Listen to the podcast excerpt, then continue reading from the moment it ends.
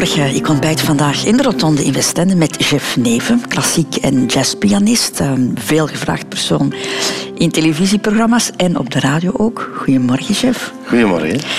Ik ga jou meteen al wat ophemelen. Ik kan volgens mij alleen de sfeer maar ten goede komen. Nee, ik, ik, ik, word hier al direct goed gezien van, dat is fijn. Ja. Je reist de wereld rond om concerten te geven, Neef. Je hebt onder meer al uh, voor de keizerlijke familie in Japan gespeeld. Je hebt voor ons koningspaar al gespeeld. Je hebt heel wat cd's gemaakt. Muziek geschreven voor onder meer de televisieserie um, in Vlaamse Velden. Je hebt vijf Mia's gewonnen. En ook nog een Oscar. Uh, dat is een van de belangrijkste filmprijzen in de Verenigde Staten. Een Oscar voor de muziek van de film The Artist. Voilà, nu jij. ja, als, je het zo, als je het zo opzomt, dan ben ik precies al een oude vent eigenlijk. maar ja. goed, al heel wat gedaan eigenlijk, hè? Ja, ja zo af en toe... Af en toe uh, als je er dan bij stilstaat, dan... Uh, ik, ik ben wel heel dankbaar voor al die dingen dat ik al heb mogen doen. Mm -hmm. Maar het, uh, het grappige van de zaak is wel... Eigenlijk voelt het voor mij nog elke dag aan alsof ik nog moet beginnen. Ik heb zo het gevoel dat ik nog altijd een klein ventje ben dat zo nog niet helemaal volwassen is en, en zo een beetje mag proberen. Maar zo zie je er ook een beetje uit, ah, ja, Het kuifje in jou is niet ver weg, hè? Nee, nee misschien is dat wel waar. Maar ja, kijk, allez, ik denk ook eerlijk gezegd dat dat de manier is om, om oud te worden. Je, eigenlijk altijd een klein beetje ja, het klein jongetje of klein meisje in jezelf durven laten naar boven komen. En uh, ja, dat, dan, dat houdt je fris, denk ik. Dat, dat, mm. dat houdt je verwondering in het leven ook lekker wakker. En ik denk dat dat heel belangrijk is. Radio 2. De Rotonde met Christel van Dijk. Jeff Neven, je bent er 41. Je zal nog veel uh, keuzes moeten maken, maar een aantal belangrijke zijn toch al gemaakt. En we gaan die afslagen op de rotonde van jouw leven vandaag eens bekijken. Vind je dat moeilijk, beslissingen nemen?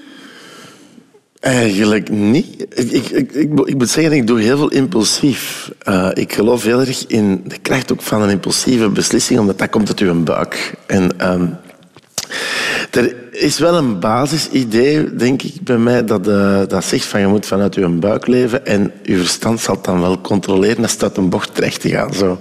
Maar dat bij mij ook wel niet ver gezocht is. Ik bedoel, ik ben zo impulsief ook wel dat als ik niet een klein beetje controleer regelmatig is, zwaar uit een bocht vliegt, denk ik. Maar als ik er nu zo op terugkijk, dan, dan eerlijk gezegd ben ik wel best tevreden over de meeste van die beslissingen. En ja, af en toe heb ik ook al natuurlijk een op, heb ik ook wel wat fouten gemaakt. Nou, Goh, dat, is, ja, dat, dat, is groeien, dat is volwassen worden. Ja, zeker, dat is misschien ja. wel dat, dat klopt wel, ja. Je bent bekend, Jeff Neven, dus dat betekent dat jij ook een Wikipedia-pagina hebt. En um, er staat van alles op te lezen, onder meer dit. Jeff Neven, turnout 8 maart 1977, is een Belgische pianist en componist. Dat is kort, er staat meer op natuurlijk, maar er staat heel weinig op over jouw leven vooraleer jij bekend werd. En daar is ja. toch wel de kiem gelegd voor wie je nu bent. Dus Han Koek heeft wat gesleuteld ah, aan jouw Wikipedia-pagina. Ah, ja. Jeff Neven is geboren te Turnhout op 8 maart 1977 als oudste van Hermine en Rudy Neven. Jeff was een vrolijk en gedreven, maar ook wel bang kind, onthult mama Hermine. Hij sliep eigenlijk boven de pianokamer. En dan zei hij op een bepaald moment, oh, Moek, ik vind het zo plezant dat je aan het zingen bent en dat je aan het spelen bent. Dan weet ik dat ik niet alleen ben. Maar ook als kleine Jeff wakker was en mama piano speelde, wilde hij elke noot horen, lacht mama Hermine. Die stond er constant bij en die wilde ook per se mee muziek maken en zo. En in dit jaar beginnen creëren, in feite, als hij toch maar zo'n 7, 8 jaar was. Jeffs uitzonderlijke interesse voor muziek is ook jongere broer Wiet niet ontgaan. Die was al rap zo erg met die muziek bezig. Zo'n enorme passie, van kleins af aan. Dat was echt waanzinnig hoe extreem dat hij daar ook in was. Zo extreem zelfs dat gepassioneerde Jeff bij een bezoek aan de Efteling alleen maar oor had. Voor die paddenstoelen waar muziek uit kwam, er is niks anders dan dat. En ook in zijn kapsel ging Jeff extreem, gniffelt mama Hermine. Vroeger had hij een heel lang haar, zo van dat die dreadlocks had. Ja. Dat hem zei van, ja, ik, ik uh, hing dat dan over de zetel en dan was dat precies wat dat heel lang haar was. En dan zo, ook in de tijd van Mozart een beetje nadoen, zo, die, van die pruiken eigenlijk. Langharige Jeff dacht op bepaalde momenten zelfs dat hij de reïncarnatie was van Mozart, getuigt broer Wiet. Die ondertekenen ook zijn stukken met chef Amadeus Mozart. Hè, en, en die zei zelf op die moment al, als klein kind, van ik ben eigenlijk op een verkeerde moment geboren. Moeder Hermine, die altijd gewerkt heeft bij mentaal gehandicapten en autistische kinderen, dacht soms... Oei, oei, als je bij ons in de school zou zitten, daar hadden ze al honderd vergaderingen rondgedaan, maar het is zo extreem was in die dingen. Maar Jeff was niet enkel aan het klavier een vat vol fantasie en energie. Ook literair kon hij zich laten gaan, verzekert mama. Ik kon ook heel goed schrijven als hij klein was, zelfs al. Hè. Zijn En ik kon ook heel veel vertellen. Maar had fantasie van ik kan hem. Mama Hermine had al snel door dat Jeff zijn hart en zijn fantasie moest volgen en zo geschiedde. Hij studeerde verder aan het Lemmens Instituut te Leuven en studeerde cum laude af als meester in de muziek optie jazz en optie piano. Met die diploma's op zak lag de wereld open voor Jeff Amadeus Mozart. En de rest is history. Amai. Mozart, chef Neven. Ja, ah, ja, ja. Ambitieus was je ook wel. Ja, kijk. Maar ja, ik, ik keek daar naar op. Mijn moeder die vertelde altijd verhaaltjes voordat ik ging slapen. Over, over dat wonderkind Amadeus dat dat mocht spelen voor koningen en voor, en voor prinsen en, wat, en weet ik wat allemaal in zijn tijd. Ja, en ik keek daar naar op. Ik had zoiets van, oh, dat lijkt me nu wel een geweldig leven eigenlijk. Zo'n beetje de wereld afdwijlen in een koets. Ondertussen wat mooie muziek mogen maken en zo bij koningen op bezoek komen. Allee, dat geeft toe. Ah, wel, maar zover heb je het geschopt, hè? Ja, Je reist de wereld rond en je speelt voor koningen en keizers. Dat is wel, maar ik heb wel geen koets, hè. De Rotonde. Radio 2. Radio 2. Chef Neven, ik voer jou even terug naar de allereerste afslag van het leven. En dat is geboren worden. Je was de oudste van drie kinderen die heel snel na elkaar kwamen. Hè? En heel jonge ouders had jij ook.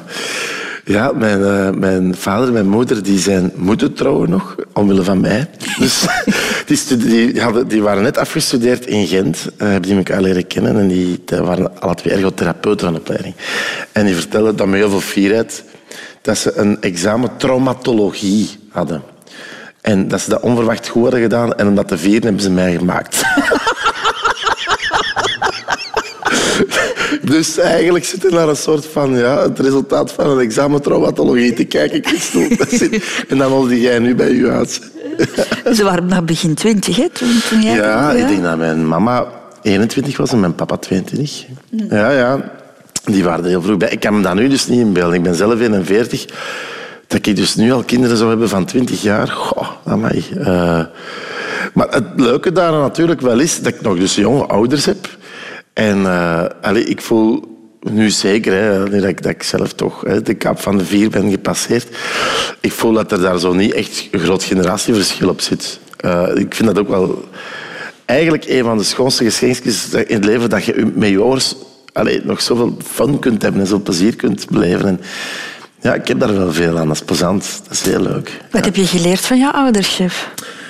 Wel, eh, ik denk de schoonste waarde dat ik heb geleerd, dat is, een universele waarde, maar dat, daar hamert ze bij ons thuis op, dat is eh, dat iedereen gelijk is. En dat de materie niet belangrijk is. Dat de, het interessante in de mens is zijn levenswijsheid en, en, en eh, de levenshouding waarmee dat iemand in het leven staat. Positivisme. Ehm, eh, iedereen inderdaad op gelijke voet behandelen. Ehm, je mocht eender wat voor functie hebben of een dikke portefeuille je wilt, maar dat, is, dat vertelt niks over de mens. Dat vertelt alleen maar iets over de status in een samenleving dat mensen hebben. En ik vind dat wel ik vind dat een schone waarde, want dat er, daar kom ik wel ver mee. Dat is, dat is, een- dat is, een- dat is een goede een goede basishouding, vind ik. Klopt het ook dat jouw ouders heel erg eh, opkwamen voor alles wat met onrechtvaardigheid te maken had en, en opkomen voor, voor de zwakkeren? Ja, dat heeft zeker wat te maken met het feit dat mijn ouders eh, alle twee hebben gewerkt in het NPI in dus een school voor zwaar mentaal gehandicapte kinderen. En ehm, ja, mijn ouders werden elke dag geconfronteerd ook met, eh, laten sociale zwakkere eh, mensen in, in onze samenleving. En ze hebben ons van het begin er echt letterlijk ingehamerd dat we dus ook moesten opkomen. Als, ik zeg maar iets, als er kindjes in onze klas werden gepest, dat we, eh, dat we het daarvoor moesten opnemen. Ehm, nu, eerlijk gezegd, dat is wel gemakkelijker gezegd dan gedaan, want je moet daar wel wat moed voor aan de dag leggen. Dat is niet zo gemakkelijk. Eh, en het is wel een paar keer ook gebeurd dat dat, dat dan zich tegen, tegen mij keert, bijvoorbeeld. Hè. Dat jij het dan- opnam voor iemand die gepest werd. ja, ik heb, ik, zeker in het middelbaar. Ik zat zo nog eh, in een echte jongensschool, het college in Geel. Allee, dat was een goede school, maar daar zat wel heel veel tos- testosteron bij elkaar. Hè. Ik bedoel, zo 1200 eh puberende jongens. Ehm, daar zitten wel nogal eens wat haantjes bij en zo. En, en eh, dat, dat, het is een paar keer gebeurd dat ik het dan opnam voor, voor iemand die werd gepest in de klas. En dan, voordat je het weet, keer dan die, die kempen zich letterlijk tegen u.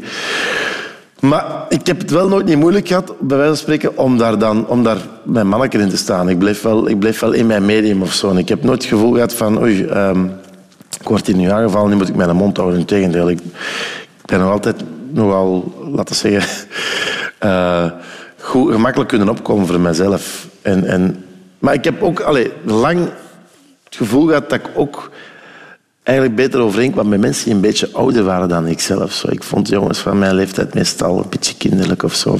Dat is misschien om te zeggen, maar ik vond toch dat die precies nog met andere dingen struggelden dan waar ik zelf al lang over was.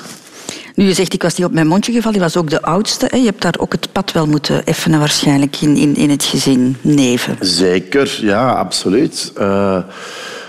Allee, zonder daar nu dramatisch over te doen, maar dat is, dat is wel een beetje de taak van, van, van de eerstgeborene. En ehm, ik heb een goede opvoeding gehad, maar ik denk ook wel dat voor mijn ouders in het begin wat wennen was om zo direct alleen het hebben die niet op zijn mond gevallen was. Die eh, nog altijd heel erg op zijn vrijheid stond.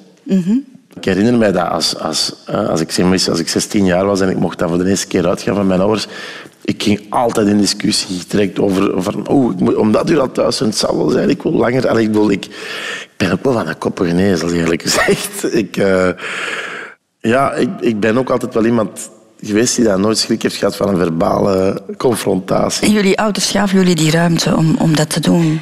Ja, en die idee dat, dat was wel van een cultuur bij ons. Wij, wij, eh, wij discussieerden heel veel.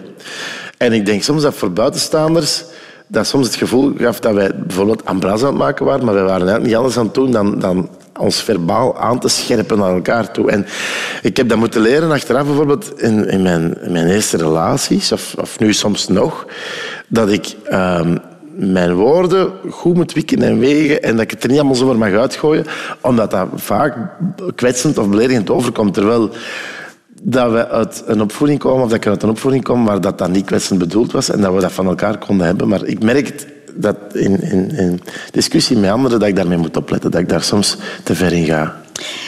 Je was de oudste van het gezin, chef Neven. En jouw broer vertelde dat jij eigenlijk al als kind al vrij volwassen was. Ah ja? Ja? Oké. Dat is dan... Maar je hebt dat net ook zelf gezegd, hè? Ik ja, mij... ik, was, ik was altijd wel inderdaad eerder, ehm laat zeggen, ja, stelder bevriend met, met, met, met mensen die een beetje ouder waren dan ik zelf. Ehm, ja, ik weet niet van waar dat komt eigenlijk. Ehm, en ik heb dat misschien nu nog, dat, dat ik gemakkelijker spreek met mensen die zo wat ja, iets langer hebben dan ik. Ik, ik, ik. ik vind dat ook altijd interessant om te weten wat die al weten, wat ik nog niet weet. Zo, ik bedoel, ik, ik, ehm, ik hou van, van levenswijsheid. Of ik hou van eh, mensen die, die ervaring hebben, die dat al verhalen kunnen vertellen van, van tijden die ik niet heb meegemaakt. Dat vind ik geweldig. Ehm, ik kan zo echt uren luisteren naar verhalen, bijvoorbeeld van mijn bonbon, die dat dan nog, ik zeg maar Wereldoorlog 2 heeft meegemaakt. Ja, dat vind ik fascinerend, hoe dat hij dan vertelt hoe dat, dat was om voor haar als jonge vrouw of als jong meisje op te groeien in zo'n wereld, haar eerste man te leren kennen, terwijl ze in de Schelde was gaan zwemmen met een zelfgebreien bikini die tot aan haar knieën hing toen ze terug uit het water kwam. En zo haar vent leren kennen. Ah, wel, dat vind ik...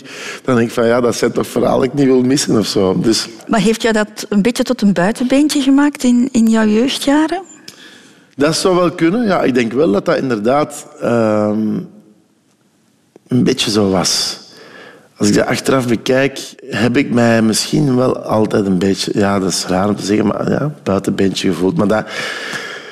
heeft niet iedereen, ben ik, dat, ik dat nu naïef in om te denken dat iedereen zich een buitenbeentje voelt omdat je, omdat je je niet 100% kunt ide- identificeren met de rest van de mensen rondom u? Ja, ik zeg maar eens, ik kende niet veel jongens of meisjes die dat zo allee, freakerig met muziek bezig waren, gelijk als ik.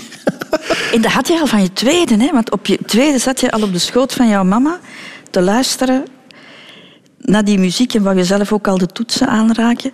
Ja. Wat deed dat met jou? Kan je dat, heb je daar nog een eerste vage herinnering aan? Ik heb een beeld, ik weet niet of het nog klopt, maar ik heb inderdaad een beeld dat ik op de school zit van mijn mama. En dat zij ehm, een liedje aan het spelen is voor mij. Dat ze dat moest doen voor de muziekschool, neem ik aan, want ze volgde pianoles. En ehm, voor mij, elke noot had een karakter. Dat waren allemaal personages. Precies in een of ander raar verhaal. En ik herinner me bijvoorbeeld, nu dan moet ik al ouder geweest zijn dan twee, maar heb jij ooit dat programma gezien, Mik, Mak en Mon? Op, eh, op de BRT was dat vroeger nog. Van zo twee um, marsmannetjes die in een of ander raar ruimtesondetje moesten eh, slapen en dan veel melk drinken. En je had daar ook ehm, de slechterik in en dat waren de sponken. En eh, ik had bijvoorbeeld een sponknoot op mijn piano. Dat was de middelste C-mol. En die was ook een beetje afgebladerd. Dat zwart nootje was zo wat afgebladerd. En als je, daarop, uh, als je die indrukte, dan was dat precies sponk, die noot. Enfin, zo, zo had ik dus allemaal noten die dat voor mij karaktertjes waren. En ik had noten die lief waren en ik had er die dat, um, agressief waren. Ik had er die... die um, ja, moet ik nu zeggen? Die de zon doen uh, opgaan. En ik had er die dat zorgde dat, dat regenen. En, en ik maakte zo denk, allee, mijn eigen verhaaltjes op zo'n piano. Ja, dat was... Dat is eigenlijk raar, hè? En nu nog heb ik dat nog altijd. Ik bedoel, die C-mol blijft voor mij sponknoot. dat is echt waar. Ik, ik, ik, merk nu ook, als ik, als, ik, als ik voor een orkest sta, als ik nu dirigeer bijvoorbeeld, ik, ik heb het bijna nooit over een noot of over van die noot is niet juist. Ik heb het altijd over, over het verhaal achter de muziek. En ik zie dat soms muzikanten wel kijken van we zijn hem kwijt. Jouw broers waren jou ook kwijt toen je 14 was, zoals vertelde wie toch? Van, want vanaf dan was jij constant met muziek bezig. Ja, misschien achteraf gezien ben ik er wel weinig van mijn broers geweest. En maar dat zeg ik niet, dat zeggen ja, ja, zij ook niet. Maar het, het, het illustreert jouw, jouw, jouw passie, op je 14 al. Ja, ja dat, was, dat was ook de periode waarin ik dan zo in groepjes mocht beginnen spelen. En, en dat ik zo ja, met de grote, de, grote de, ja, de volwassenen in, in, in, in coverbandjes en zo de cafés ging afdwijlen. En ik heb daar wel veel van geleerd. En dat was eigenlijk ook wel grappig, uh, of een beetje triestig tegelijkertijd. Maar zo, wij hadden in, bij ons in de, in de buurt, in de Kempen, een aantal iconen, noem ik dat dan achteraf gezien, uh, lokale rockhelden, die typisch uit de jaren tachtig waren. Uh, die, die, die, die, leefden dat leven eigenlijk van rocksterren uit de jaren tachtig, ook al zaten we al als in de jaren negentig, maar dus ook met nog te veel drinken of zo beginnen zo een, een lijn coke snuiven om dan ergens in een of ander café op een podium te kruipen en zo wat covertjes te spelen. Maar die, die cultiveerden wel wat die, die wereld. En dat, dat was voor mij heel ontnuchterend. Dat ik zoiets van, ah, het is zo niet omdat wij mooie muziek gaan spelen of leuke muziek gaan spelen, dat je nu zo moet drugs beginnen pakken. En eerlijk gezegd, dat heeft mij dus... Dat, dat vond ik heel uh, onnuchterend. Dat dan zo gezegd volwassenen in één keer zo onvolwassen dingen konden beginnen doen. Ik vond dat, ik vond dat heel puberaal. Mm -hmm. uh, en daar hebben mijn ouders zich wel zorgen over gemaakt. Dat, dat ik dan daarin zou meedoen en dat ik dan zou uh, afzakken. Maar allee, uiteindelijk is dat nooit dramatisch slecht afgelopen, ik zal het zo zeggen. Ik heb, wel, ik heb wel van alles geprobeerd ooit, maar dat zijn dan jeugdzones. Dat, zijn, dat is nooit um, uit de hand gelopen, ik zal zo zeggen. Na je middelbare onderwijs kies je voor het Lemmens Instituut in Leuven. Je gaat daar een uh, muziekopleiding volgen, klassiek en jazz. Hoe lang was dat al duidelijk voor jou? Dat dat het pad zou zijn? Ja, ik denk vanaf dat ik uh, de aanmoediging kreeg, als, als ik, toen, ja, toen ik jaren 16, 17 was, vanuit de muziekschool, wist ik van oké, ik wil dat echt gaan doen. Dat is echt mijn droom. Um, maar ik had wel schrik dat ik dat niet ging kunnen. Voor mij, was, voor mij leek het Lems Instituut iets voor supermensen. Iets voor mensen die van een andere planeet kwamen en die gewoon zo goed waren in muziek. Dat dat, ik, wilde, ik had nooit gedacht dat ik dat ging aankunnen. En uh, ik was eigenlijk ook niet geslaagd voor mijn ingangsexamen. Ik herinnerde mij dat ik, um, ik moest een, een eh, technische proef afleggen en ik moest een theoretische proef afleggen. Die theoretische proef was helemaal goed, had ik 100 op 100. Maar in die technische proef moest ik ehm, ook al echt op ja, jazz kunnen improviseren. En ik had dat nooit geleerd, want dat bestond vroeger niet in de muziekschool, was dat alleen klassiek. En, ehm, en dus, met andere woorden, ik had dat op mijn eigen een beetje geleerd. Maar ja, dat was natuurlijk niet, niet genoeg. En, en, en dus, ehm, dat was een Hollander, Ron van Rossum, uh, later mijn pianoleraar voor jazz. Die moest mij beoordelen. En uh, die zei van, nou chef, uh, nou ik twijfel, het is net niet goed genoeg voor piano. Ik dacht van, god, voor... Ik zeg, het is niet waar, je gaat hier mijn droom afpakken. En, en, en ik zie die zo kijken naar zijn assistent dat erbij zat om dat te beoordelen. Nou, Arne, wat denk jij? Ja, Arne zei, ja, nee, het is toch niet echt goed genoeg. En, en het wordt zo wat stil en, en Ron vraagt zo van... Nou, speel jij nog een ander instrument? Ik dacht, nu zak ik mijn broek af. Zeg, speel ik nog een ander instrument? Ik dacht, jij is een Hollander. En ik dacht... Maar ik, speel, speelde in de harmonie bij ons in Oosterlo zo wat saxofoon. Maar voor het plezier en vooral een pinten te kunnen pakken eigenlijk op vrijdagavond. Dus, maar ik was er niet goed in. Ik zeg, ja, ja, ik speel nog saxofoon ook. Nou, en hoe zou je je niveau omschrijven op saxofoon? Ik zeg, ja, veel beter als op piano. Ik zeg, dan moet ik niet meer voor naar hier komen. Ik zeg, ik kwam naar hier om piano te leren. Ik zeg, saxofoon, dat heb ik in mijn pocket. En ik zie dus zo kijken. Nou, Arne, hebben wij niet nog een saxofoon nodig voor in de big band? Ja, ja. Welke saxofoon speel? Ik dacht van, dan ga ik er een net kiezen die dat, die dat ze zeker nodig hebben. Bariton sax. Dat is zo'n grote saxofoon, zo'n een, bassaxofoon, zeg maar. Nou, en heb je die bij? Ik zeg, ja, nee, die ligt nog thuis. Ik zeg, nou ja. Goh, we gaan het in overweging nemen. In elk geval, ik hoor daar niks meer van terug. Er gaat een hele zomer over. En uh, de schoolstart... Uh, begin, uh, begin oktober was dat nog vroeger. Maar half september begonnen ze in de klassieke afdeling. Want dus, uh, begonnen ze al met notenleer. En ik dacht, ik kan al van naar Leuven. ik zo, ik ga mij in, mij in die klas zetten bij de klassieke notenleer. En ik zal dan wel zien of ik dan straks geslaagd ben voor uh, het Lems Instituut of niet. Dat ik mag beginnen voor de jazzafdeling. Ik was eigenlijk niet geslaagd. En, uh, ja, en ik val wel op in die, in die noodleerklas, want ik doe dat graag. En terwijl de meeste ja, studenten zoiets van oei, dat is een verplicht vak, wij doen dat niet graag, noodleer. We willen alleen met ons instrument bezig zijn. En ik werd een beetje het flebbeke van die mensen die daar noodleer aan het geven waren. En toen dat dan uitkwam, dat ik daar eigenlijk vrijwillig zat, want dat ik daar niet moest zitten, dat ik jazz ging doen en niet klassiek, had ik zoiets van, amai, oh, deze is ongelooflijk. Iemand van de jazzafdeling die bij ons klassiek noodleer kon volgen. Kom hier, dat ik je een kus geven. Dus dat was, ik was in één keer al, ik weet niet geliefd. Waardoor dat ze zeiden, zeg maar, zou jij niet graag klassiek doen? Ja, ik zou keihard klassiek doen. Dus ik ben eigenlijk zo begonnen met klassiek en jazz zo wat tegelijk. In één keer zat ik in die pianoles bij die Hollander. Ik zei je zo kijken van, waar jij nu geslaagd of niet? Maar ik heb er niks over gezegd. En uiteindelijk ben ik zo gewoon begonnen. dus eigenlijk ben ik illegaal begonnen op dat instituut. De plantrekker. Ja, laten we zeggen toch. Ja, ik heb daar toch een beetje met, met een slag in geslagen. ik heb mijn toekomst een beetje in handen genomen, ik zal het zo zeggen. Ja. Oh, maar in de loop der jaren, we gaan het nu nog een beetje dramatiseren, Jeff, was het ook allemaal niet zo gemakkelijk, hè? want je was niet de beste leerling. Nee. Nee, nee, ik moest heel hard werken. Ik heb echt de ziel uit mijn lijf gewerkt. Nog altijd, hè, trouwens. Ik, uh, bij mij ging dat niet vanzelf. Ik, uh, ik moest heel hard oefenen. Eigenlijk. Ik zeg maar eens op toonladder. Hè, zo echt de noten blijven herhalen. En ik ben eigenlijk, je gaat lachen, maar ik ben een, een motorische kluns.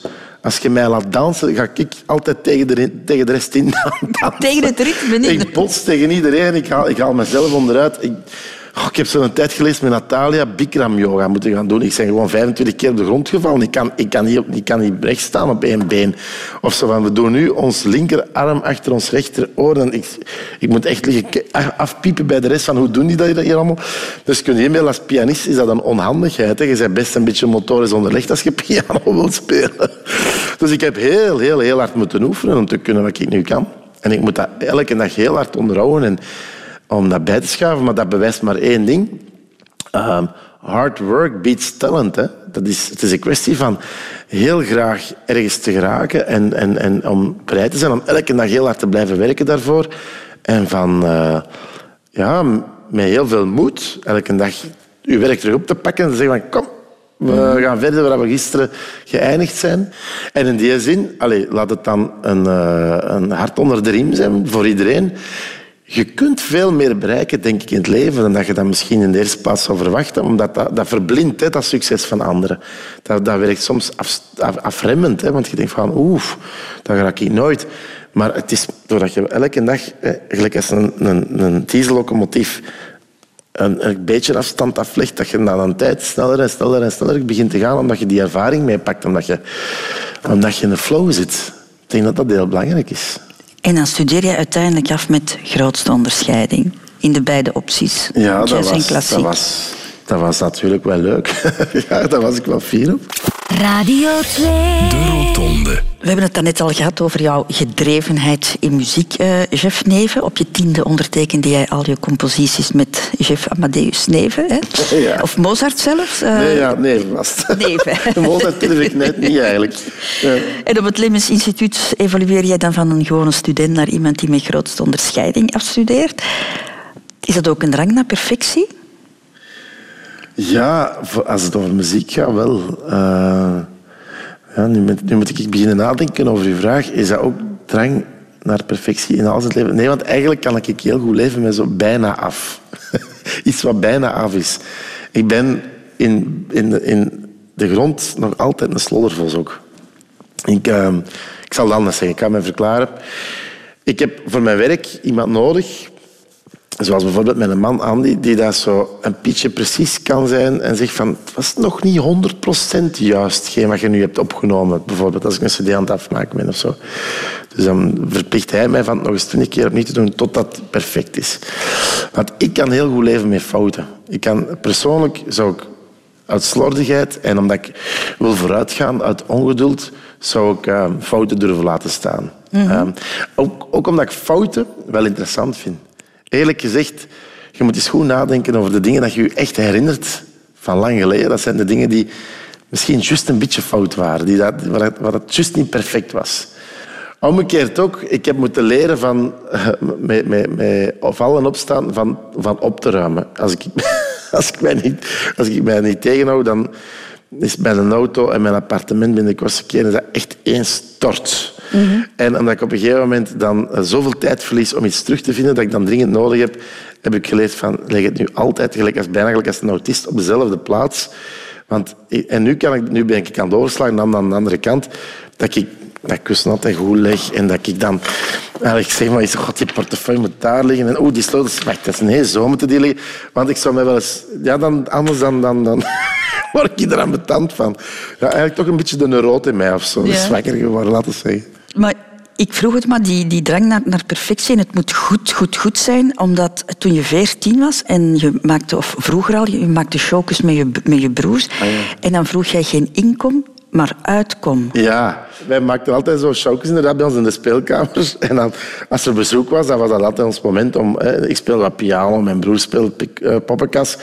En dan de ander deed dan de, de belichting. Dus waren zo twee spotjes die je zo kon aan- en afdoen met zo'n knipperlampje. Zo.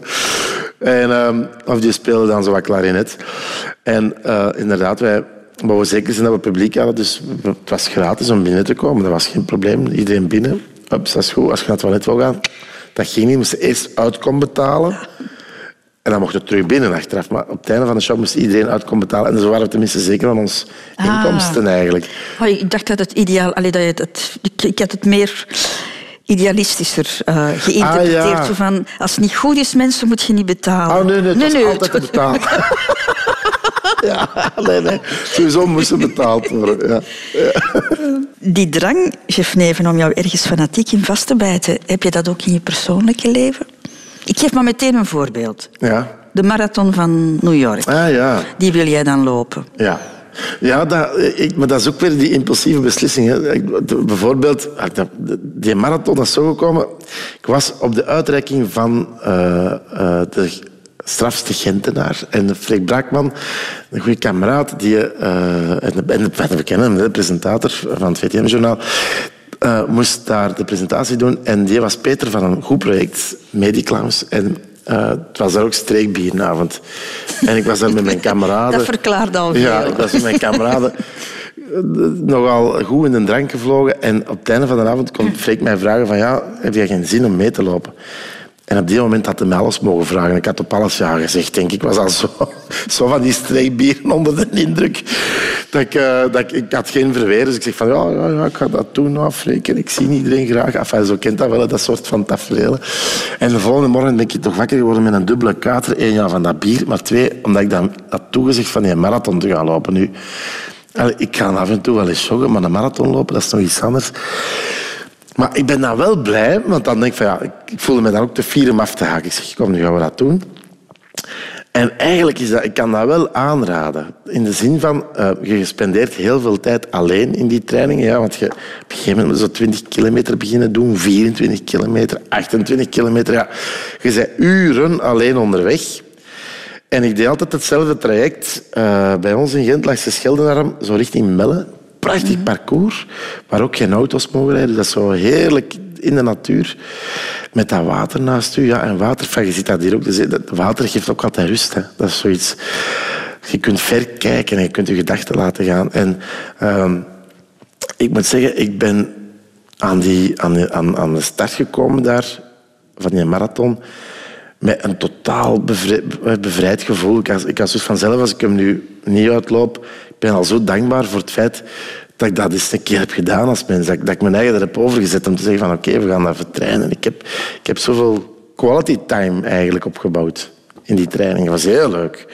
Veel tijd gehad ook om naar uw muziek te luisteren of naar podcasts of zo. Heel tof, heel, heel, heel leuk. Allee, grote discipline en wilskracht, dat typeert jou toch ook ja, ja, ja. Maar geen tweede keer die marathon. Ik heb hem twee keer gedaan. En de tweede keer goh, heb ik zo hard afgezien. Goh, dat was dan ook nog eens. De tweede keer had ik, had ik, had ik 27 jetlags op elkaar opgestapeld. Want ik zat de tijd daarvoor eigenlijk de hele tijd in Nieuw-Zeeland, Australië en Japan op tour. Ik moest dan naar New York, maar ik had dan nog een concert in, in België. Dus dan moest ik over België en dan zo naar New York. Dus ik kwam in New York aan en ik wist niet of dat 7 uur s morgens of 7 uur s avonds was. Ik zat totaal in een andere tijdzone. In elk geval, ik had me geëngageerd voor een tweede keer die marathon te lopen. En ik dacht van, ik ga dat hier niet redden. Dus ik begin eraan en dat ging verbazingwekkend goed. Waarschijnlijk omdat ik nog zo gejetlagd was, voelde ik geen pijn of niks. En ik zat op kilometer 30. Ik zeg, maar het is niet waar. Ik kan hier gewoon binnen de vier uur eh, eh, die marathon uitlopen. Dat, is ongelooflijk. Dat was tot op die laatste 10 kilometer gerekend. En één keer krijg je daar toch een slag van de molen. En mottig. En mijn maag die pijn begint te doen. En Oh, ik dacht van, god jongens, dat, dat, dat komt hier niet goed. Dus ik denk van, ik begin maar water te drinken. Gelijk als, als een zot begin ik water te drinken. Maar ik denk van, ik moet, ik moet zorgen dat ik genoeg vocht binnen heb. Ik kom uiteindelijk over die meet en ze hebben daar dan, want dat is wel echt heel goed georganiseerd, ze hebben daar van die medische assistentie, jongens en meisjes staan die dat zo kijken, die spotten dan de mensen die er zo niet goed meer uitzien. En ze komen zo een keer met twee naar mij. Are you okay? Ik zeg, ja, ja, totally... En alles komt eruit. Over een van die jongen. Van die, oh, gênant. Oh, en dan heb ik gezegd van, nu is het genoeg. Nu ga ik even geen marathon lopen. Ja, ik, ik vind... Het zou wel aan mij liggen, maar je voelt dat je lijf kan tot 30 kilometer heel goed aan, maar alles daarboven, dat, is, dat, is niet gezond volgens mij.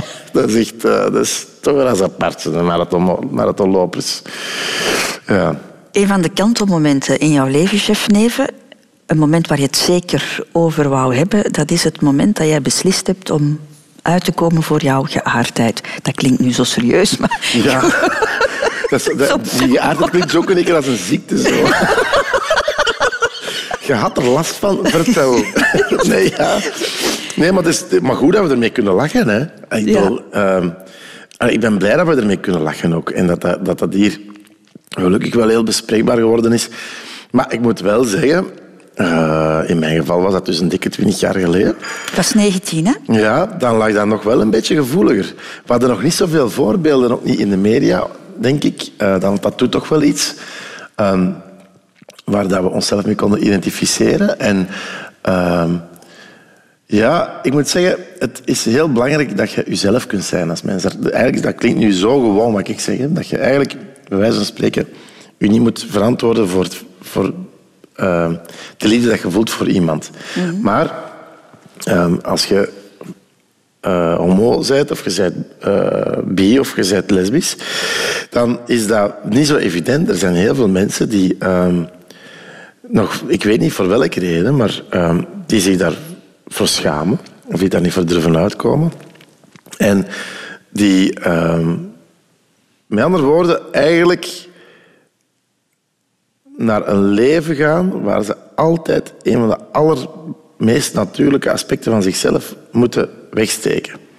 Dat moet je dus inbeelden. Dat is eigenlijk verschrikkelijk. Hè? Allee, ehm, en in die zin ben ik wel heel blij dat toen ik uit de kast kwam, dat mijn ouders daar eigenlijk goed hebben op gereageerd. Mijn moeder die was daar vanaf het begin oké mee en mijn vader heeft daar zo'n paar weken tijd voor nodig gehad. Maar uiteindelijk is hij ook wel snel tot inzicht gekomen dat dat een heel normaal iets is. Ik denk dat hij wel zeker mijn vader in het begin veel schrik heeft gehad van oei, oei, oei, oei. In dat, milieu zitten veel mensen met aids. En uh, ik hoop dat mijn zoon niet verandert. En dat er waren ook nog heel veel clichébeelden die daaraan verbonden mhm. waren in de tijd. Mensen dachten ik, dat je met een rok ging thuiskomen of make-up ging opdoen. Of, ja, ja, dat is, dat is gelukkig allemaal heel hard veranderd. En als je nu vandaag de dag naar de jeugd kijkt, is dat zo'n soort van so what, wat, wat, moeten we het daar nog over hebben? Ik ben heel blij dat we, daar, dat we tot dat punt gekomen zijn. Dat, dat, we, dat we het daar niet meer over... Enfin, ik ging zeggen dat we het daar niet meer moeten over hebben, dat is fout. We moeten het daar blijven over hebben. Maar uh, dat het wel duidelijk is dat het helemaal oké is om voor je geaardheid uit te komen. En, um... Hoe lang wist jij het al? Hoe, van, vanaf welke leeftijd? Wel, ik heb ik heb altijd vriendinnetjes gehad, uh, eigenlijk tot mijn 18 of zoiets ongeveer. Maar ik denk, als ik diep in mezelf kijk, dat ik het eigenlijk altijd heb geweten. Ik heb dat heel lang willen ontkennen en voor mezelf niet willen zien. Of ook nog heel lang gehoopt van, oei, dat kan ook iets zijn. Allee, ik had dan gelezen dat heel veel uh, jongens en meisjes in de puberteit daarmee experimenteren. Ik dacht van, oh, dat zal bij mij ook wel zo zijn. Dat gaat dan wel overgaan. Maar dat... Ah, je bent dat wel gaan opzoeken? Ja, ja. Dat je wist dan dat het bestond? Ja. Hè? Ja, ja, ik wist wel dat het bestond. Ehm, en ja, dat is raar. Totdat je op een gegeven moment... Ik herinner me, en ik, ik herinner me het moment waarop ik besefte van oei, ik denk echt dat er bij mij iets aan de hand is. Ik kwam toevallig s'avonds laat. Um, ik moest al lang in mijn bed gekropen zijn, ik moest al lang slapen. En ik kon niet slapen en ik ging de trap af naar beneden, waar mijn ouders dat tv aan het kijken waren. En die waren een film aan het zien over Arthur Rimbaud, eh, de, de, de dichter, die dat openlijk homoseksueel was. En er was toevallig juist op dat moment op tv een scène waarin dat hij een andere man kust. En, en, en er begint een liefdescène en dan mijn vader zegt van... Manneke, feutusje, want ik had een bijnaam. Ik was feutusje bij ons thuis. Feutusje? Ja. ik was de eerstgeborene kleinzoon, dus ik was feutusje. In elk geval dat leidt ons nu af. Die zegt van, manneke, dat moet jij niet zien, ga maar terug naar boven. Maar ik had dat dus gezien en ik van, oeh, wacht, wat heb ik dus al gedaan? Ai, denk dat deze is wat ik ben. En uh, toen wist ik van, ja, ik ga binnenkort met problemen zitten. Ik ga eens moeten gaan beginnen uitleggen. En dan heb ik, weet ik nog, op het einde van het zesde middelbaar ben ik eens verliefd geworden op een andere jongen. Die heette ook chef, toevallig. Uh, maar ik durf het daar niet tegen zeggen. Maar ik zou gezworen hebben dat daar iets was tussen ons. Maar die in elk geval, we belanden op een fuif en, en ze draaien een slow. Ja, dat was een campus. Op een gegeven moment was het tijd voor een vriendin op de... Als ze een slow draaide, dan moest je rappen naar de dansvloer. Dan moest je zorgen dat je lief had. Uh, en ik zie in één keer dansen met, met een meisje. En ik zie die kussen en mijn hart brak. En toen dacht ik van... Oh nee, ik ben verliefd op een gast. Ik ben verliefd op een jongen. Oh nee, en ik ben 18. Ik ga straks naar Leuven. En ik ben er nog niet vanaf. Het is nog niet over. Mijn experimentele fase is nog niet gedaan. En toen wist ik van, ja, ik, zit met, ik, ben, ik ben waarschijnlijk voor de, voor de jongens in plaats van voor de meisjes. Was dat het moment dat je het voor jezelf echt ja, toegeven? En dat was heel moeilijk. En dan uh, het wraak op dat moment ben ik op de dansvloer gegaan. Heb ik de beste griet vastgepakt. Heb ik die ook binnengedraaid. Oh, achteraf gezien, hashtag MeToo misschien, maar wat in elk geval. dat, was, dat was toen zo over me. Ja, in elke, en, en toen zag ik dat hij kwaad aan het kijken was naar mij. En dan dacht ik in een keer van, oeh, maar waarom moet hij nu kwaad naar mij kijken? En hij heeft toch zelf ook een vriend? En dan dacht ik van, wie weet zit je zelf wel met een ding? En dan zijn wij kwaad van elkaar weggefietst. Hebben we elkaar nooit meer gezien in ons leven. Heel raar. Dan ben ik in Leuven aangekomen. En dan ging ik op kot in Leuven. En toen had ik voor mijn eigen um, echt vastgesteld... Chef, dat verhaal van dat vallen op de jongens, dat blijft daar in de Kempen. Hier, vanaf, in, eh, vanaf hier in Leuven gaat een nieuw leven opbouwen. Dat moet nu gedaan zijn. Dus echt totale ontkenning. Dus van, ik ga hier terug op meisjes vallen en kom, nu is het genoeg met die zever. Sloes dat. Ja, dat heeft dan ongeveer nog een jaar geduurd en ik speelde dan bij Get Ready. dat helpt dan ook niet echt. Want ik mocht dan in van die grote maanboots op het podium kruipen. Ja, en die jongens ontkenden toen in de pers op mij hoog en bij laag dat ze de jongens waren. En dan, ik, ik zal zeggen wie mij uit de kast heeft gesleurd. Ehm, een vriendin van mij, Saartje van Kamp, een heel schone cellist, die speelt nu bij Spinvis. Een heel schoon meisje die bij Spinvis cello speelt. Ik noemde die altijd Snaartje van Kamp. Ik vond dat schoner dan Saartje van Kamp, omdat die cello speelde. En Snaartje van Kamp, daar was ik eigenlijk, dacht ik, verliefd op. En ik vond een heel schoon meisje. En ik, ik had aan heel school wijsgemaakt, op heel Lemmens wisten dat ik verliefd was op Snaartje van Kamp. En die zei op een gegeven moment van, chef, maar we gaan eens iets gaan drinken. En... Uh, ja, want uh, ik wil het er eens over hebben, zei ze. En ik weet dat nog, we zaten in, in een uh, Ierse pub. En we, hebben daar, we zijn daar toch zo kilkenny bier beginnen drinken. En, er, om zes uur s morgens, altijd zo zat als een patat. En Saartje zei zo een keer van, chef... Maar als, als, als er een jongen verliefd is op mij, dan voel ik elektriciteit. En ik voelde bij u totaal niet. Is er nu echt niks dat jij nog moet zeggen? En toen heb ik gezegd, Saartje, je hebt gelijk, ik moet iets zeggen. En toen kwam het eruit. Dat en dat voelde zo als een bevrijding dat ik dat verteld. Ja, dat was zo... Dat was zo... Ah, oef, allee. Daar zijn we nu klaar mee. Maar ja, ik het natuurlijk thuis nog vertellen en zo. Maar eigenlijk, achteraf gezien, heb ik wel geluk. Hebben ze er allemaal wel goed op gereageerd. Ook mijn vrienden. Niemand heeft mij daar scheef vragen gekeken en zo. Want allee, dat mogen wel maar hopen, dat, dat, dat dat het geval is. En eerlijk gezegd, mensen die daar raar voor aankijken, dan weet ook in één keer wat je daar maar aan hebt gehad. Hè. Dan zijn ze het ook niet waard om je vrienden te blijven, vind ik. De Rotonde. Jeff Neven, we hebben het daarnet gehad over jouw worsteling hè, met, uh, met je geaardheid. Nu zeg ik het weer zo serieus, maar... ik weet niet hoe ik het anders moet zeggen. Enfin, je moest aanvaarden. Ik ben blij dat je zegt van je, je hebt ooit geaard met jouw worsteling. Dat kan ook.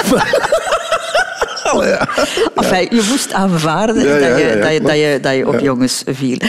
Maar eens dat gebeurd was en iedereen jou zijn zegen gehad had, was jij dan klaar voor een, voor een relatie? Ja, maar ja, dat loopt natuurlijk in het begin wel echt met vallen en opstaan. Allee, ik, bedoel, ik had geen idee wat, dat, wat die wereld allemaal inhield. En eerlijk gezegd, dat, is in begin, oh, dat was ook nog een tijd voordat er echt zo internet was. Hè. Dat was zo net op de valreep. Zo, je kon al zo inbellen. Zo. Maar dus er, een platform om mensen te leren kennen, gelijk als vandaag de dag, dat bestond niet. Dus ik ben gaan kijken bij annonces in de gazet. om te zien of dat er een eenzame man of jongen is. Oh, ik heb dan eens afgesproken met iemand in... Waar was dat ergens? Ter vuren. Maar dat was echt al direct duidelijk dat dat, dat, dat niet mijn juiste manier was om iemand te leren kennen. En dan ben ik is naar een, de eerste keer naar een homofuif gegaan. En dan, dat was op een vrijdagavond in Leuven. En iedereen van mijn vrienden, die ging in het weekend natuurlijk naar huis. Ik had een excuus verzonnen waarom dat ik de vrijdagavond nog in Leuven moest blijven. En uh, ik herinner me nog, dat was zo in, in, het steegje van, hoe noemt dat daar nu weer? Ah, de, de, Albatros. En ik wandel daar voorbij en ik zie zo die rij en denk van... Oh, toch wel nog niet naar binnen. Zo, oh, enfin, nog wat pintjes gaan pakken op de markt. Terug naar mijn kot. Ik denk van, ik kan er niet naartoe. Kan mijn kot, komt school. Ja, nee, dat is toch niks voor mij. Terug daar langs, zo nog eens piepen, zo naar steegje. Maar is dat precies al veel volk. ken ik daar nu? Nee, gelukkig ken ik er niemand niet van. Ze gaan mij ook niet kennen. Zo. Op mijn kot aangekomen. Ja. Uh, pintje opengetrokken. Ik ga nog even een pintje drinken. Allee, chef, nu verplichten jezelf van daar naartoe te gaan. Terug naar de albatros en dan voorbij. nog altijd niet. Alleen nog eens even naar dat merk, terug pintjes. Ik en nu gaat het naar die albatros. Dus ik ga naar die albatros en ik sta daar aan te schuiven. Zo met mijn kop naar beneden kijken. Zo. Amai, wat is dat hier allemaal rondom mij?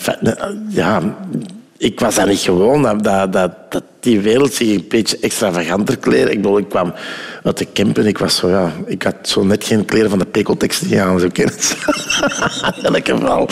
Ik kom daar binnen Ik kan drankbonnetjes kopen, roze bonnetjes. Ik denk van, god, moet dat nu per se roze bonnetjes zijn? Ik zeg, het is niet waar. Zijn allemaal affiches van uh, zo met AIDS campagnes tegen AIDS en voor aan te doen. Ik denk van, zeg, is dat hier een voor plezier of is dat hier een, is dat hier een test van het medisch centrum? Allee, zo, het. Dus ik naar een toog met mijn roze bonnetjes voor een pint te gaan halen. En in één keer zo tik, tik, tik op mijn schouder. Ah, hier zit de chef. Ik zeg, godverdomme. Kijk zo. En dat is een vriendin van mij van vroeger, van in, van in mijn dorp in Oosterlo. Ik zeg, wat doe jij hier? Goh ja, ik... Uh... Dat is niet alleen een vriendin, dat is ook een lief geweest van mij. Ik zeg, wat doe jij hier? Ja, dat kan ik aan u toch ook vragen? Ze. Ik zeg, ja, ik, ik kan maar eens een pintje drinken. Ik, wil, uh, ik denk van, het is een fuiver. Ik, ik moet die morgen zijn in Leuven. En, ja, maar je weet dat dat een hollybeefuif is? En ik zo echt slecht gespeeld. Een hollybeefuif of wat? Echt waar? Oeh, sorry. Ah, nee. Oei. Ja, maar ik heb nog niks tegen. Ah, ik zeg... En jij? Ja, ja, ik ben hier met mijn vriendin. Ik ben, uh, ik ben met, met meisjes aan. Ik zeg, allee, ja, dat moet kunnen. Allee, tik, tik, tik. De andere schouder wordt ook aangetikt. Een jongen van mijn kot. Ik zeg, het is niet waar. We zaten met drie jongens op kot en twaalf meisjes. Ik zeg, wat doe je? Die noemde Andy ook. Oh, toevallig noemde hij ook Andy, een pianist. Ik zei, en nog een van Geel ook. Dus een van mijn college van vroeger. Dus iemand die mij echt ook nog kende. Ik zei, wat doe jij hier? Ja, hetzelfde als jij, denk ik. En ik vond dat wel nogal, nogal een knappe. Dus ik dacht, ik stel direct met een probleem. Wat bleek dat hij daar was met die andere jongen van ons kot ook nog. Dus die twee jongens van ons kot, we zaten met drie jongens, we waren alle drie homo. ik zeg, ja. Nee, nu zijn we hier wel goed vertrokken. Ik zeg, en dan heb ik het ook verteld. Ik zeg van ja, eerlijk gezegd, ik denk, allez, ik ben eens keer als een fout. Ik denk dat ik ook zo ben. Um, en ik mag wel, achteraf gezien, met twee polletjes kussen, dat ik zo direct, met, dat ik leuke mensen daar leren kennen en dat ik daar, uh, dat ik me op mijn gemak voel. Dat ik denk dus van, ah. Ja, maar eens de onwennigheid hè, daarover voorbij was, chef, uh, had je dan bepaalde verwachtingen van, van, een, van die liefde, van een relatie? Ja, ik hoopte altijd van iemand tegen te komen die dat heel gewoon ook was in het leven. Die dat, die dat niet zijn... Allee, je hebt zo beroepshomo's, noem ik dat. Mensen die alleen maar homo zijn. Die, die gaan naar een homo bakken, naar een homo discotheek, naar een homo allee, uh, kapsalon. En they live the gay life. En ik heb daar niks op tegen, maar ik voelde dat ik, zo, dat ik daar niks bij voel. Ik, dat is raar om te zeggen, ik voel niks voor plumos in mijn gat te steken. En, en, en, en, op de gay pride eh, heel extravagant te staan. Ook al vind ik dat dat absoluut moet kunnen, maar dat is niet iets wat ik in mezelf voel opborrelen, laten we zeggen. Dus ik hoop van iemand tegen te komen die, die ook daar gelijk als ik in was. Hè. Je opteerde voor een langere monogame relatie. Mag ik het zo zeggen? dat klinkt ook weer ernstig, maar... Ja, ja, ja, dat wel. Maar natuurlijk, dat is niet altijd gelukt. Hè. Ik, heb ook mijn, ik heb ook mijn avontuurtjes gehad, absoluut. Uh... En, en, en, serieus afgezien ook, hè? want je hebt een aantal langere relaties gehad waar je dan geweldig van afgezien hebt, toch ook? Hmm. Dat klopt, dat is waar. Uh, ja, ja ik, heb, ik heb ooit op trouwen gestaan met iemand. Dat is dan vlak voor ons huwelijk afgesprongen. Daar heb ik lang van afgezien, absoluut. Uh, vooral ook omdat ik... Omdat ik uh, dacht dat ik een zekerheid had gevonden en die valt in één keer weg. Dat is, dat is, dat is een, een heel bangstend gevoel. Als je zo het gevoel hebt dat de grond onder u weggehaald wordt. En dan was ik ja, een jaar of 25 als dat gebeurde, denk ik, zoiets, of 27. En dan, uh, ja, dat heeft wel een tijd geduurd dat ik daar mij heb overgezet. Maar dan ben ik lang vrijgezel geweest en dat heeft mij wel veel deugd gedaan. Omdat ik dan er wel achter kwam dat je ook perfect gelukkig kunt zijn zonder dat je afhankelijk bent van iemand anders. En het is doordat ik dat meegemaakt dat ik denk, maar pas echt klaar was voor een echte goede relatie, waar dat ik denk ik op gelijke voet in een goed evenwicht in een relatie kon staan. Daarvoor was ik vaak veel te afhankelijk van of dat mijn lief wel vond, of dat allemaal goed was of niet goed was. Of... En, ik, en ik liet mij daar te veel door, door uh, meeslepen. Ik was eigenlijk heel de tijd afhankelijk van van mijn lief. Terwijl, mhm. nu kan ik rust met mijn hand op mijn hart zeggen, in mijn huwelijk met Andy uh, staan we echt op gelijke voet. En zijn we alle twee ook gelukkig op onszelf. En maken we elkaar gelukkiger door bij elkaar te zijn. Maar uh, zijn we, dat is misschien aan te zeggen, verbonden met elkaar, maar niet ongezond af en aanhankelijk aan elkaar. Want dat is wel dat is wel heel belangrijk. Zeker ook in onze job. Allee, ik, bedoel, ik ben heel vaak in het buitenland. En dus vaak ook voor langere periodes weg. Als je dan niet dat basisvertrouwen hebt dat je ook goed bent op je eigen zelf en dat je relatie een surplus is, ja, dan, dan is dat onmogelijk. Want dat gaat altijd kapot vanaf dat je alleen bent. Dan, dan, dan, dan, dan zijn niet compleet. Dus ik kan zeggen dat je gelukkig bent. Ja, Ah, dat wel. Ja. Jeff Neven, kan ik zeggen dat jij rond jouw dertigste ook een beetje een moeilijke periode hebt, eh, hebt meegemaakt? Dat was, ja, ik vond 30 worden niet gemakkelijk. Eh, omdat dat zo precies afscheid nemen is van je jeugd. En ehm, tegelijkertijd was dat ook een periode dat ik, eh, ja, dat, ik, dat alleen kwam te vallen. Nadat ik lange relaties had gehad. En ik had het gevoel dat iedereen rondom mij al met zijn leven gestart was. Die hadden een gezinnetje opgebouwd of die hadden al een huisje gezet.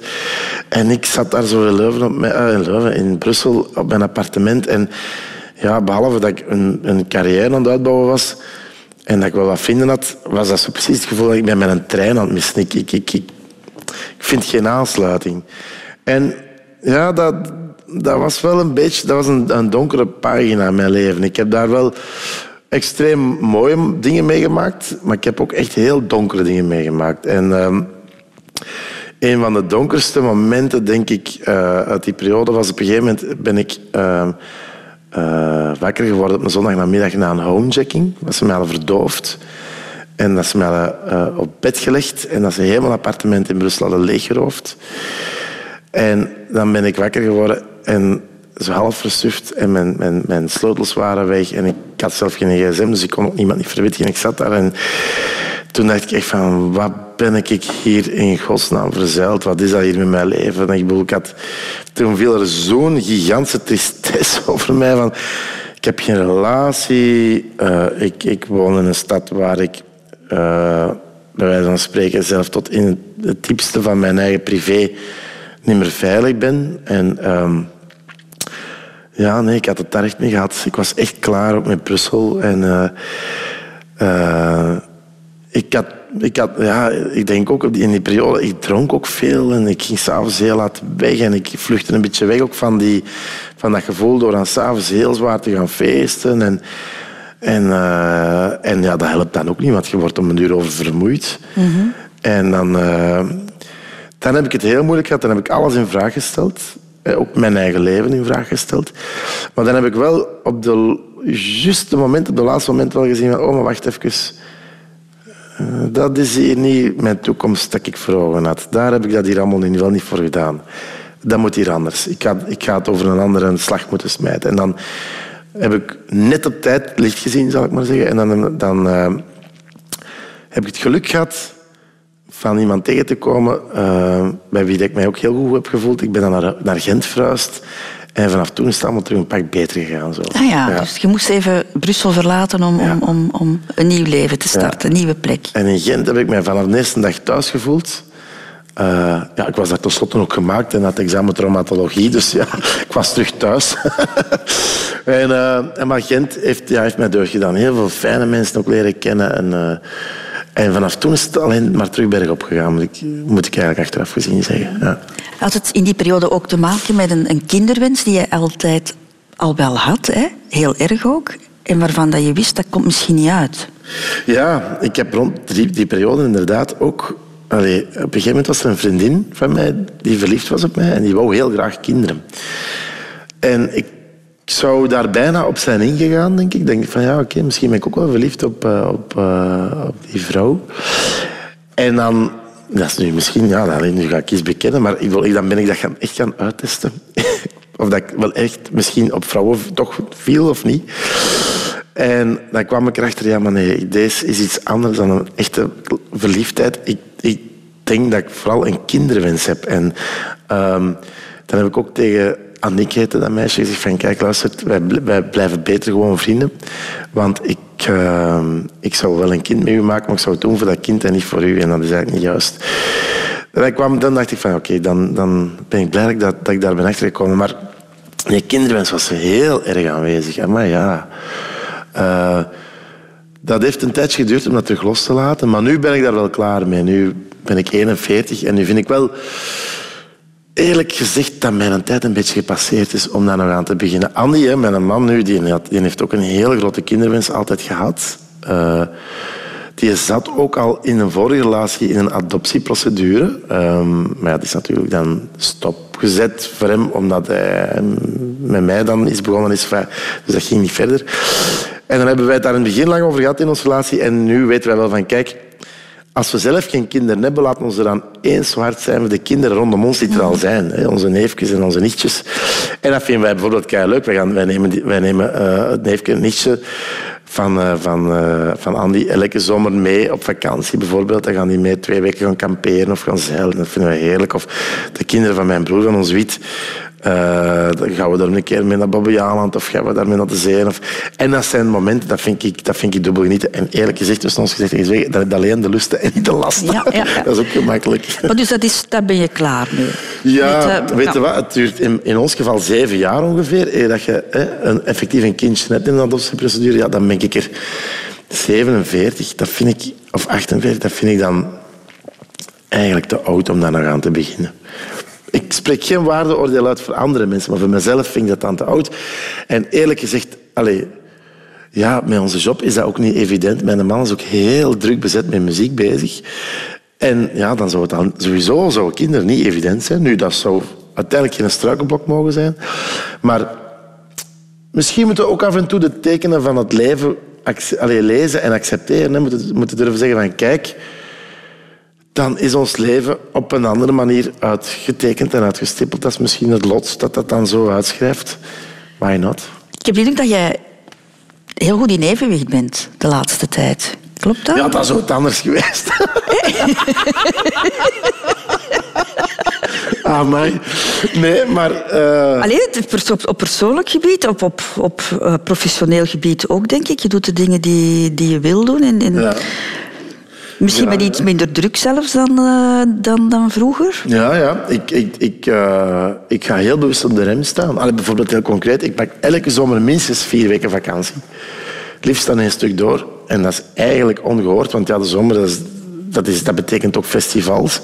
Maar wij, wij stippelen dat heel goed uit. Dat we, dat we tot op de laatste knip nog een festival aanpakken en dan ups, een maand vakantie en dan direct terugkomen en direct terug spelen. Maar ja, dat is zo belangrijk voor de rem te gaan staan. Ik vind het heel belangrijk van ehm, af en toe op de stoppen op te duwen en gewoon rond te kunnen kijken en gewoon in het hier en nu te leven.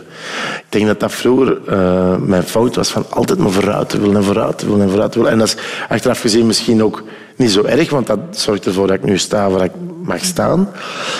Maar nu heb ik wel het gevoel van, goh, ik wil wel op het einde van mijn leven niet alleen maar terug kunnen kijken op een leven dat alleen maar met werk te maken heeft gehad. Nee, ik wil ook vooral in de eerste plaats leven. En wij zijn hier maar tijdelijk. En we moeten ervoor zorgen dat we in die kleine tijd dat we hier zijn, dat we eh, 100% hebben genoten van elk moment.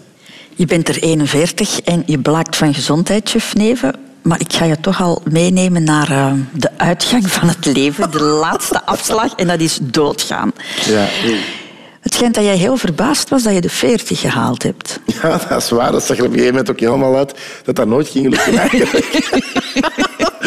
Oh, ik heb al wel heel hard geleefd. Ik, bedoel, eh, ik was ook een verstokte roker. Ik ben nu drie jaar geleden gestopt met roken. Beste beslissing ever. En tot mijn grote verbazing heb ik ook achteraf gezien nooit nog goesting gehad om te roken. Maar dus dat was al niet, allez, niet echt bevorderlijk om tot de 40 te geraken, want ik rookte echt heel veel. En ik dronk te veel en ik at ongezond en ik deed weinig sport. En ik had me er op een gegeven moment zo ongeveer mee verzoend van ja, als ik dan zo wat 40 word, dan, dan ben ik toch al een paar jaar ouder dan Mozart geworden is, dus dat is oké. Dan, dan is het dat maar. Dan moet ik nog wel veel muziek schrijven, want ik wil, als ik hem wil bijhalen qua repertoire, maar...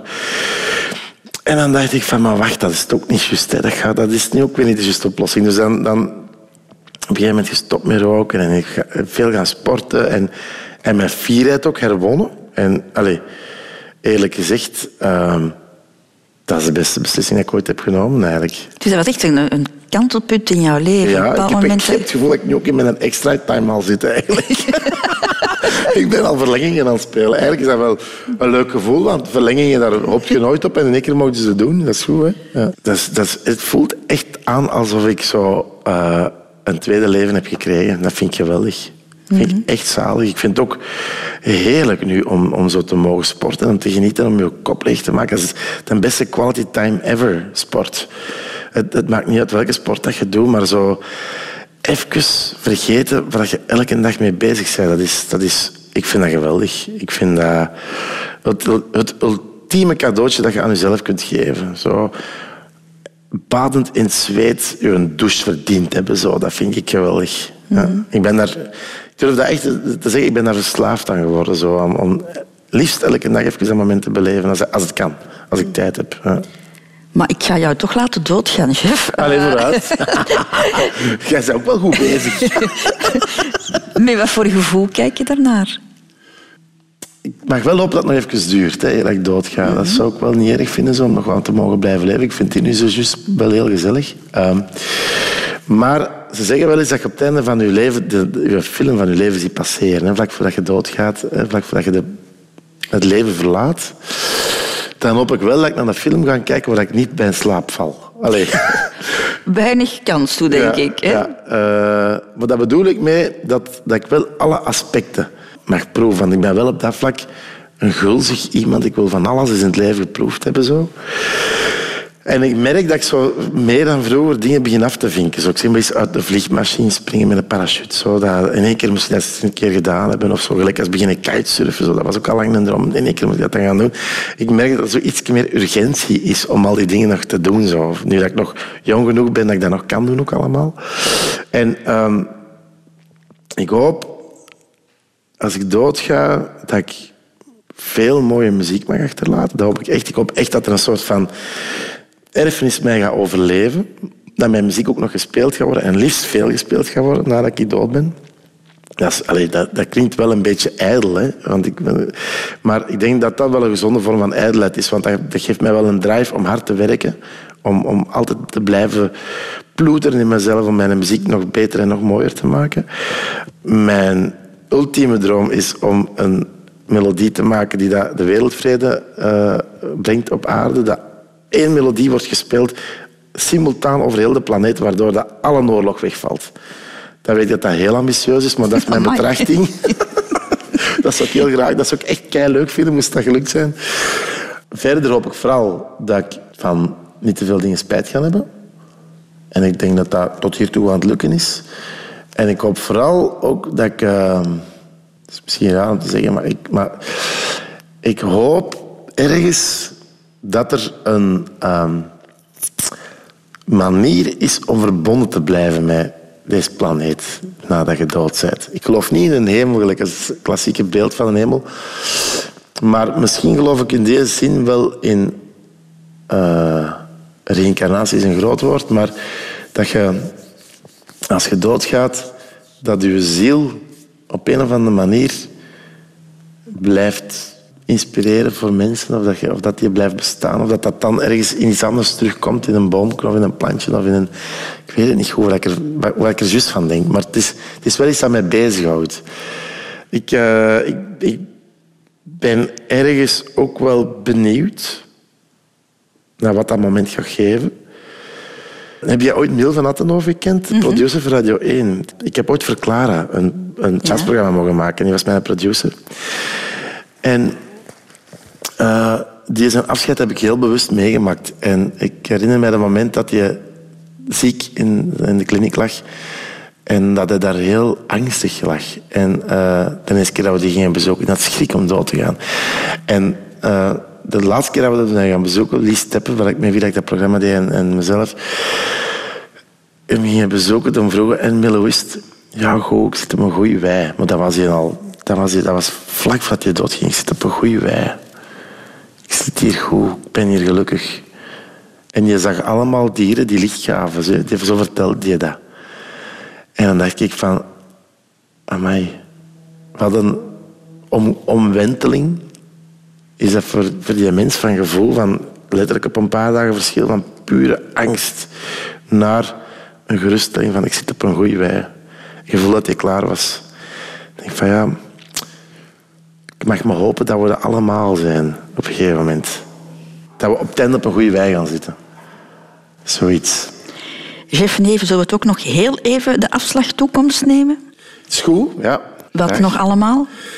Wel, eh, ja, ik ben met heel veel dingen tegelijkertijd bezig, zoals altijd. Ik ben heel veel nieuwe muziek aan het schrijven ook. Eh, van alles. Eh, volgend jaar ga ik met Natalia samen op een podium staan. Daar ben ik heel hard aan het werken.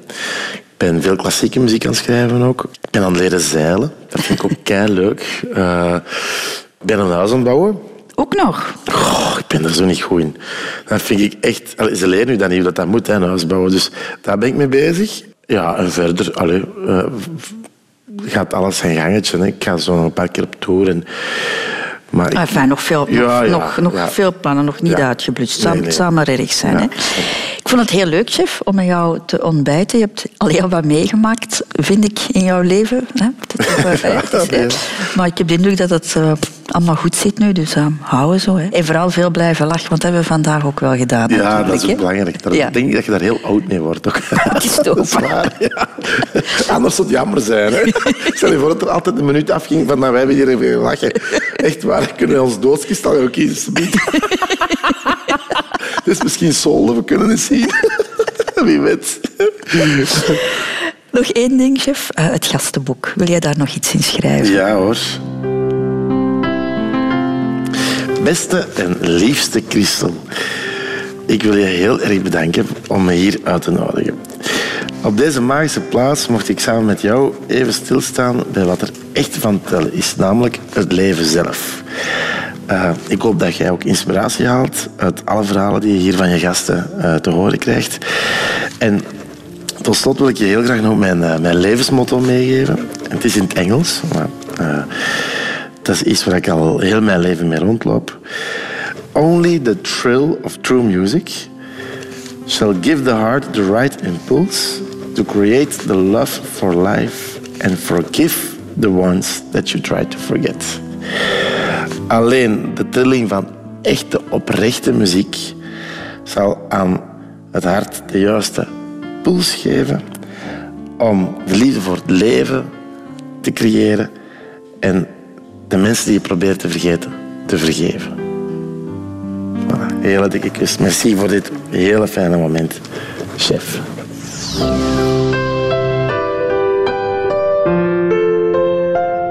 Radio. thee.